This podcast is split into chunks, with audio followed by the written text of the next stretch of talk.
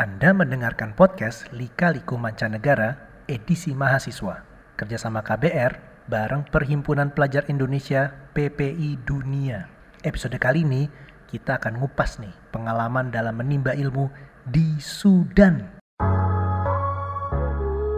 Kalau kamu mau belajar bahasa Arab yang bagus, belajar agama yang bagus, ya salah satunya Sudan karena di sana kamu bisa bebas mengeksplorasi tentang keilmuan Islam tanpa tersekat dengan golongan tertentu, kelompok tertentu karena di sana betul-betul dibebaskan. Halo, kali ini kita berjumpa lagi dengan podcast KBR Prime bekerjasama dengan PPI Dunia dengan saya Bimo Bramantio. Untuk kali ini kita kedatangan tamu dari PPI Sudan, yaitu Mas Muhammad Ruhiat Hariri. Halo Mas, apa kabar? Baik Mas Bimo. Terima kasih atas Terima kasih waktunya. banyak. Mas, kita mau kenalan nih lebih lanjut nih. Mungkin bisa diperkenalkan dulu latar belakangnya. Ya, saya Muhammad Riyad Hariri. Kebetulan menjadi ketua PPI Sudan periode 2018-2019 dan sekarang menjadi ketua PPI Dunia kawasan Timur Tengah dan Afrika untuk periode 2018-2019 juga. Ya, sudah cukup lah di Sudan selama kurang lebih hampir 4 tahun menempuh studi di Universitas Islam Om Durman, jurusan tafsir dan ilmu Al-Quran. Iya. Berarti datang 2015 mulai Iya, datang Iya, iya. 2015. Iya, iya. Jadi kita mau minta cerita gimana bisa ke Sudan dan perjalanannya ke sana gimana? Mungkin orang ya pertama dengar Sudan tuh bukan Sudan gitu Hmm. kan tapi Sudan gitu. Jadi kayak what? Sudan gitu. Negara Kata, katanya di? Google juga nggak ada ya? Di Google ya ada tapi ya informasinya ya cuma oh, orang dibunuh, Iya. orang perang lain sebagainya Iya, gitu. iya. Bahkan pernah saya ngobrol sama teman yang dia kuliah di Nottingham gitu Iya. ketika nanya, "Oh, sekarang di mana Mas Hari kuliah di Sudan?" "Oh iya iya bagus bagus. Eh, BTW di sebelah mana ya?" gitu. ya banyak yang nggak tahu gitu. Tapi dari dulu memang karena banyak guru-guru saya yang Hmm. di pesantren itu lulusan Sudan yang ngomong kalau kamu mau belajar bahasa Arab yang bagus, belajar agama yang bagus, ya salah satunya Sudan karena di sana kamu bisa bebas mengeksplorasi tentang keilmuan Islam tanpa tersekat dengan golongan tertentu, kelompok tertentu karena di sana betul-betul dibebaskan gitu. Iya, iya, iya. Jadi dari situlah kemudian eh, oke kalau misalnya saya mau ngambilnya ilmu agama, saya bakal ke Sudan Iya, iya. akhirnya setelah kemudian tidak diterima di salah satu kampus favorit di Jogja Hmm. dan waktu itu berpikir oke kalau nggak keterima di Jogja saya berarti ke Sudan aja gitu ngambil agama Nah, dari situlah kemudian ngambil ke Sudan Ya, gitu Wal- ya, ya. padahal itu setahun sebelumnya saya tuh baru pulang dari Amerika jadi Ya. orang tuh makin bingung lagi Makin bingung ini lagi. orang habis dari sono tiba-tiba ke Afrika gitu. Jadi wah itu Ya. banyak lah Japrian masuk nggak nggak udah udah udah nggak usah mempengaruhi saya. ya karena di 2015 salah satu negara eh, Timur Tengah Afrika yang paling kondusif gitu untuk belajar agama ya Sudan, Sudan, gitu. ya. Sebelum akhirnya terkena imbas dari Arab Spring itu Iya, tersendiri iya, iya. gitu. Karena kalau negara-negara lainnya udah, Udah lebih duluan, duluan, lah kena iya. gitu. Dan Sudan tuh relatif lebih aman karena tipikal orang Sudan tuh sebenarnya nggak neko-neko ya. Jadi mereka itu ya udah apa yang mereka miliki, apa yang mereka sudah raih ya mereka jalani aja gitu. Hmm. Makanya simple banget gitu Hmm. hidup mereka itu gitu. Iya. Oke Mas, jadi apa kesannya waktu Mas pertama nyampe di Sudan? dari pertama sebelum ke Sudan ya, Iya, sebelum memang ke Sudan. yang diceritain itu bukan bukan bagusnya sih gitu. Yang diceritain itu, wah nanti Sudan itu cuma ada dua musim gitu. Oh enak dong gitu. Di Indonesia hujan sama kemarau gitu. Kalau di sana apa? Oh di sana panas sama panas banget katanya gitu kan. Karena musim biasa itu suhu rata-rata aja udah 32 33 gitu. Sama kayak di sini berarti. Ya sama di 32. sini cuma di sana kering, jadi Kering, enaknya nggak keringetan gitu kita di sana. Oke, cukup memberi gambaran yang agak mengerikan sih tentang Sudan bahwa panas sampai bisa sampai 55 derajat gitu ya di sana dan puncaknya itu justru di bulan puasa gitu. Puncaknya itu di bulan puasa. Jadi sangat-sangat menghela napas gitu untuk menerima kenyataan itu. Landing pun ya saya kebagian jam 2 siang. Jadi ketika buka jendela pun hmm, oke okay, coklat semua ini di mana negaranya ini ibu kotanya mana ini ya baru kelihatan ada sedikit peradaban itu ya sudah deket bandara gitu karena bandaranya kan di pusat kota gitu jadi agak mendingan lah ada gedung-gedung gitu ya ada rumah-rumah nah udah kelihatan oh kayaknya oh ini bandara kayaknya di pinggir deh ibu kotanya masih agak jauh dan ternyata itu ibu kotanya gitu jadi jangan dibayangkan seperti downtown di Eropa lain sebagainya di sana pusat kota itu ya pasar gitu pusat kota itu. Nah jadi ya iya ya ngapain ya kemari ya mending juga di Indonesia gitu ya makanan jelas gitu kan sedangkan di sana makanan hmm, saya baru bisa makan makanan Sudan itu justru kurang lebih dua minggu setelah landing di sana itu baru bisa makan makanan Sudan. Itu ada namanya asida. Jadi dia dibuat dari tepung dipadetin ya dikukus gitu jadi kayak puding. Nah, kuahnya itu ada dua, ada yang disebut mulah, ada yang disebut tagalia. Kalau mulah, dia itu dari daging yang digiling dengan bumbu bawang merah, cabai dan tomat dan oh. garam gitu. Okay. Nah, kalau yang tagalia ini dari okra. Jadi ketika kita makan itu benar-benar berlendir dan ya baunya nggak cocok lah dengan orang Indonesia. Nah, itu ya jujur pertama kali muntah sih makan itu karena nggak cocok banget gitu ya. Tapi yeah. pada akhirnya ya lama kelamaan dengan alasan penghematan ya mau nggak mau kita makan makanan lokal lah gitu. Jadi ya adaptasi kita sebenarnya lebih banyak ke belajar on the spot lah ya. Iya siang-siang kita jalan lah sendiri gitu di tengah panas supaya nyesuaiin suhu cepat gitu kan. Dan juga makan makanan lokal gitu beradaptasi awalnya. Tapi ya mau nggak mau ya kita perlahan lah. Kayak saya nih pertama-pertama datang kan tentu kesulitan nih bahasa ya. Jadi kalau di kertas ujian itu di atasnya saya tulisin nama lengkap Muhammad Ruhiat Hariri, tanda kurung Indonesia, kurung tutup. Oke, di halaman paling belakang saya bilang Ustadz mohon maaf saya baru datang. Saya masih belajar bahasa Arab. Tolonglah oh. saya dibantu nilainya. Pakai pakai bahasa Arab pakai bahasa gitu? Arab okay, iya. Ustaz Afwan. Ana jitu qabla qalil min bila di Indonesia. Nurid uh, Musa minkum lidarojati gitu kan. Oh langsung. Pas lihat ya memang terbantu gitu nilai-nilai oh, itu. Jadi iya, iya. ya kemarin perasaan ngerjain nggak segini gitu. Tapi ya alhamdulillahnya dapat gitu. iya, iya, jadi iya mereka itu orangnya mudah tersentuh gitu orang-orang Sudan. Hmm. Walaupun sebenarnya kalau kita lihat di Sudannya mungkin mereka tuh punya watak yang cukup keras ya. Kayak misalnya mereka ngomong nih satu sama satu. Mereka ngomong teriak-teriak bentak-bentakan gitu. Itu tuh biasa gitu. Nah, kita tuh kadang ngerasanya kayak kita dimarahin padahal mereka tuh biasa ngomong itu. Bahkan kadang itu tuh lagi bercanda gitu kadang kita oh, oh iya maaf eh, kok kok kamu takut? Kenapa? Eh, Ustadz marah-marah mas enggak enggak enggak sih biasa ngomong kayak gini gitu gitu. Waduh. Oke okay, gitu. Dan ya memang walaupun keras kepala tapi ya itu tidak sekeras orang dari negara Terus beda ide kalau lagi marah gimana tuh?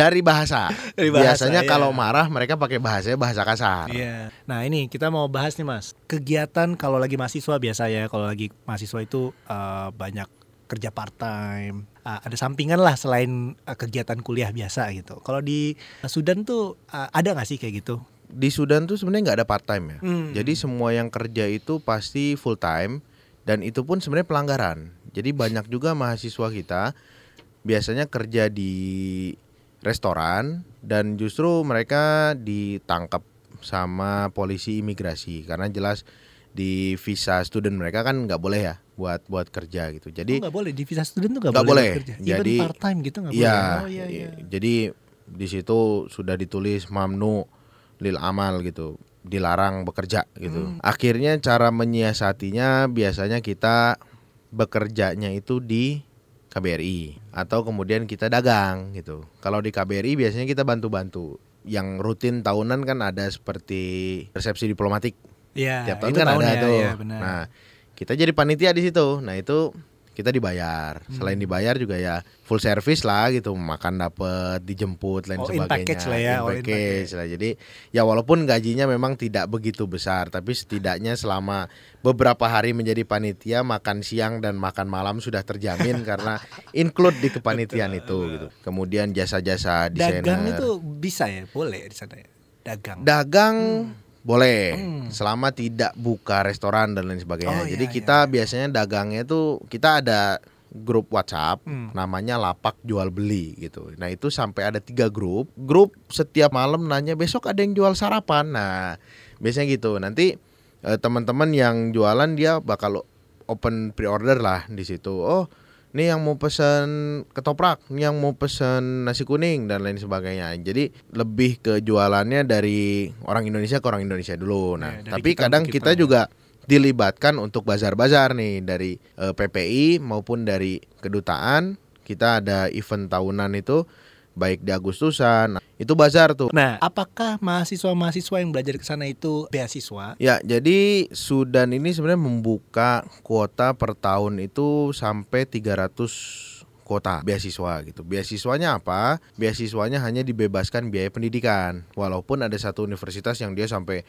ngasih asrama, ngasih makan tiga kali sehari lain sebagainya. Itu di universitas itu hanya 200, 100 sisanya di universitas negeri gitu. Jadi tidak seperti beasiswa yang dibiayai secara Semuanya, penuh iya. semuanya gitu. Ini Makanya bebas biaya pendidikan. Betul. Saya juga sebenarnya berangkat ke sana ya beasiswa dari pemerintah Sudan di Universitas Islam Om Durman dibebaskan biaya kuliah sampai lulus Iya, gitu. Berapa tahun pun. Berapa tahun pun Iya, ya. berapa oke. tahun pun. Tapi saya nggak Programnya mau lama-lama udah empat tahun aja.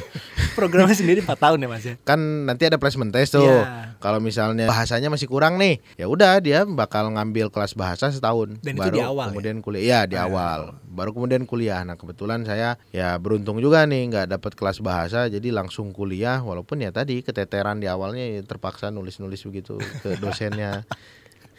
Nah, terus eh, mungkin kita bisa bicara dikit nih tentang situasi dan kondisi di kampus. Ya, yang paling mungkin yang paling sering ditanyain sama mahasiswa di Indonesia itu di sana kampus ada absen apa enggak? gitu ya, pasti begitu. Nah, Atau saya- mungkin keduanya kalau ada bisa nitip nggak? nah kalau ada bisa nitip apa enggak? Sama ada tugas apa enggak gitu. Saya jawab di Sudan itu nggak ada absen. Yang kedua di kampus saya tugas itu satu tahun cuma ada enam tugas saja. Jadi misalnya 12 pelajaran, ya biasanya cuma enam pelajaran yang ngasih tugas gitu. Nah, Dan oke. itu satu pelajaran satu tahun cuma sekali aja tugasnya. Eh, udah mah jarang ke kampus gitu. Tugas juga sedikit, bisa nanya-nanya lah gitu. Kenapa begitu? Karena di kampus saya kelasnya itu kapasitasnya cuma buat 350. Tapi satu angkatan kita ada 700 orang. Makanya nggak memungkinkan dong untuk semuanya masuk ke kelas. gitu. Kita baru bisa lihat siapa aja teman angkatan kita aslinya itu pas ujian. Semuanya pasti ada datang gitu. Makanya ujian pun di shift. Ada shift Oh, pagi, iya, iya, iya, ada shift siang dan ujian pun diseling-seling sehari ujian sehari enggak sehari ujian. Nah, beda sistem kampus di sana dengan di Indonesia. Kalau di Indonesia kan udah pakai SKS. Milih nih oh pelajaran ini, bidang studi ini ini ini. Kalau di sana enggak, kita tuh udah kayak SMA. Jadi ya udah kita nunggu jadwal nongol, ya udah kita ikutin jadwalnya. Ujiannya apa udah disiapin jadwal ujiannya. Jadi satu angkatan pasti bareng Iya, gitu. iya. Untuk ininya Mas, eh, katanya di sana masih banyak melakukan eh, dengan kertas gitu. Apa benar begitu ya? Ya, di Sudan nih belum online lah apa-apa gitu. Jadi hasil ujian itu bener-bener tulis tangan. Nilai hilang gitu ya. Udah kita nggak bisa cari lewat online, dong, nggak bisa iya. nyari lewat internet database-nya dong. Kita harus pergi ke gudang dulu. Jadi kita pergi ada bagian khusus ujian. Dari situ nanti kita diajak ke gudang. Nah di gudang itu udah ada rak-rak semua tuh ujian dari lima tahun yang lalu. Kayak nyari barang bukti gitu ya. Nyari barang bukti ini bener nggak nih gitu dan itu pun kan udah diikat satu-satu tuh jadi oke misalnya gini ujian yang kemarin ada di blok sekian di rak nomor sekian gitu termasuk kita daftar gitu daftar pun kalau di Indonesia transfer nih kita transfer untuk UKT Iya. otomatis Iya. terdaftar dong sana enggak kita daftar ke bank ya udah pas ke bank kita harus balik lagi ke tata usaha ngasihin Buktinya itu ya. bukti pembayaran dari tata usaha ke kepala tata usaha minta surat dari situ balik lagi ke dekan, dekan minta surat dari dekan ke bagian eh, dekan akademik, pembantu rektor bagian akademik minta tanda tangan lagi, baru balik lagi ke tata usaha. Luar Nih biasa. saya sudah terdaftar gitu. Luar Jadi biasa. kita kalau daftar ulang tuh ya kurang lebih satu minggu lah waktunya untuk daftar.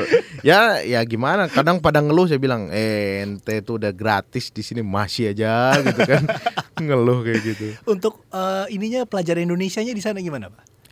Perim- eh, perimpunannya kayak di PPI-nya itu peningkatan jumlah mahasiswa nih tinggi banget nih di, Di Sudan tinggi ya? Jadi sejak tahun 2015 ke 2019 sekarang ini peningkatannya bisa dibilang hampir 350 persen. uh tiga setengah kali. Tugas dan peran PPI itu semakin Iya. besar. Kenapa? Karena kita nggak punya PPI cabang. Mau nggak mau akhirnya kita kerjasama dengan organisasi kedaerahan. Jadi mereka punya perkumpulan kedaerahan. Indonesia ini maksudnya. Indonesia, Ah. paguyuban mahasiswa Jawa Barat, keluarga mahasiswa Aceh, forum mahasiswa Sumatera Selatan Ya. gitu. Cukup meringankan PPI dalam merangkul orang 1100 ini gitu yang kemudian kita nggak bisa handle semuanya.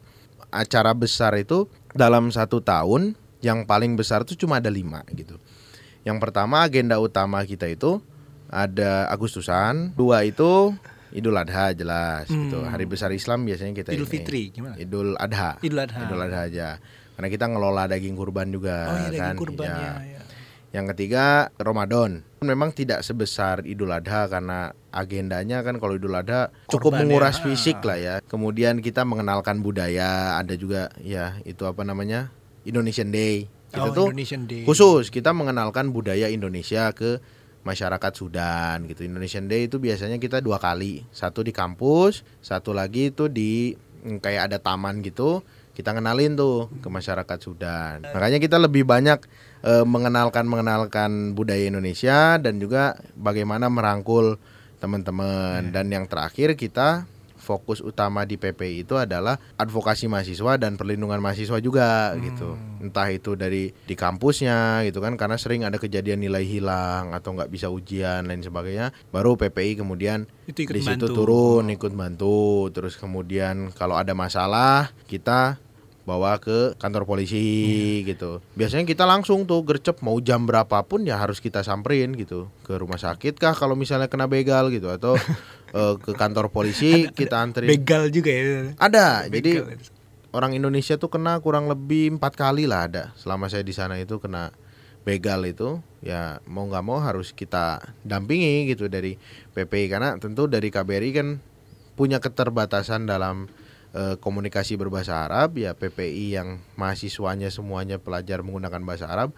ya kita yang berkomunikasi banyak itu bahkan sampai si polisi itu ya bosen aja kita lihat kita sampai kenal gitu kita sama istilahnya kalau kita kapolsek gitu kapolres tuh kita kenal ya. kenal gitu Berkali-kali ke sana. Heeh, karena saking berkali-kalinya gitu Jadi kira-kira kita bisa kasih wejangan atau eh, saran-saran apa sih buat teman-teman di Indonesia yang berketertarikan untuk belajar ke Sudan? Pertama sih tentu harus tahu dulu nih sebenarnya ke Sudan tuh mau ngapain apa yang mau dicari. Sudan kan yang jadi spesialisasinya kan ilmu-ilmu agama bahasa Arab gitu ya. Ya jangan berharap ke sana nyari kebidanan nyari farmasi lain sebagainya atau orang sana pun dosen-dosen sana jurusan umum justru lulusan universitas-universitas di Indonesia gitu. Jadi jangan berharap ke sana hanya karena ada iming-iming beasiswa gitu. Yang kedua gitu niat harus kuat. Secara pendidikan sih sebenarnya nggak terlalu sulit ya. Mungkin beda lah sama di negara Eropa lain gitu ya. Cuma lagi-lagi karena masalah administrasi itu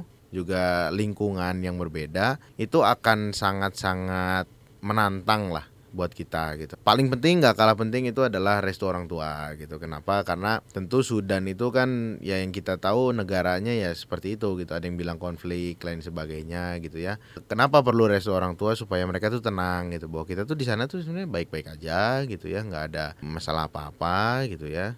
Jadi orang tua siap mental, kitanya juga siap mental gitu ketika sampai sana. Oke demikian podcast kali ini yang mengupas lika-liku tentang kehidupan belajar di Sudan. Kita sudah ditemani oleh Mas Hariri dari Perhimpunan Pelajar Indonesia di Sudan. Terima kasih banyak atas waktu dan kerjasamanya Mas Hariri. Sukses selalu dan semoga podcast ini bisa terus menginspirasi teman-teman semua. Dengarkan terus podcast kita ini di episode-episode berikutnya.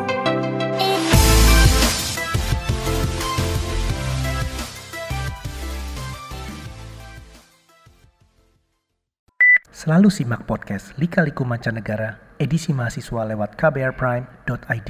Berikutnya, kita akan hadirkan edisi belajar di Australia.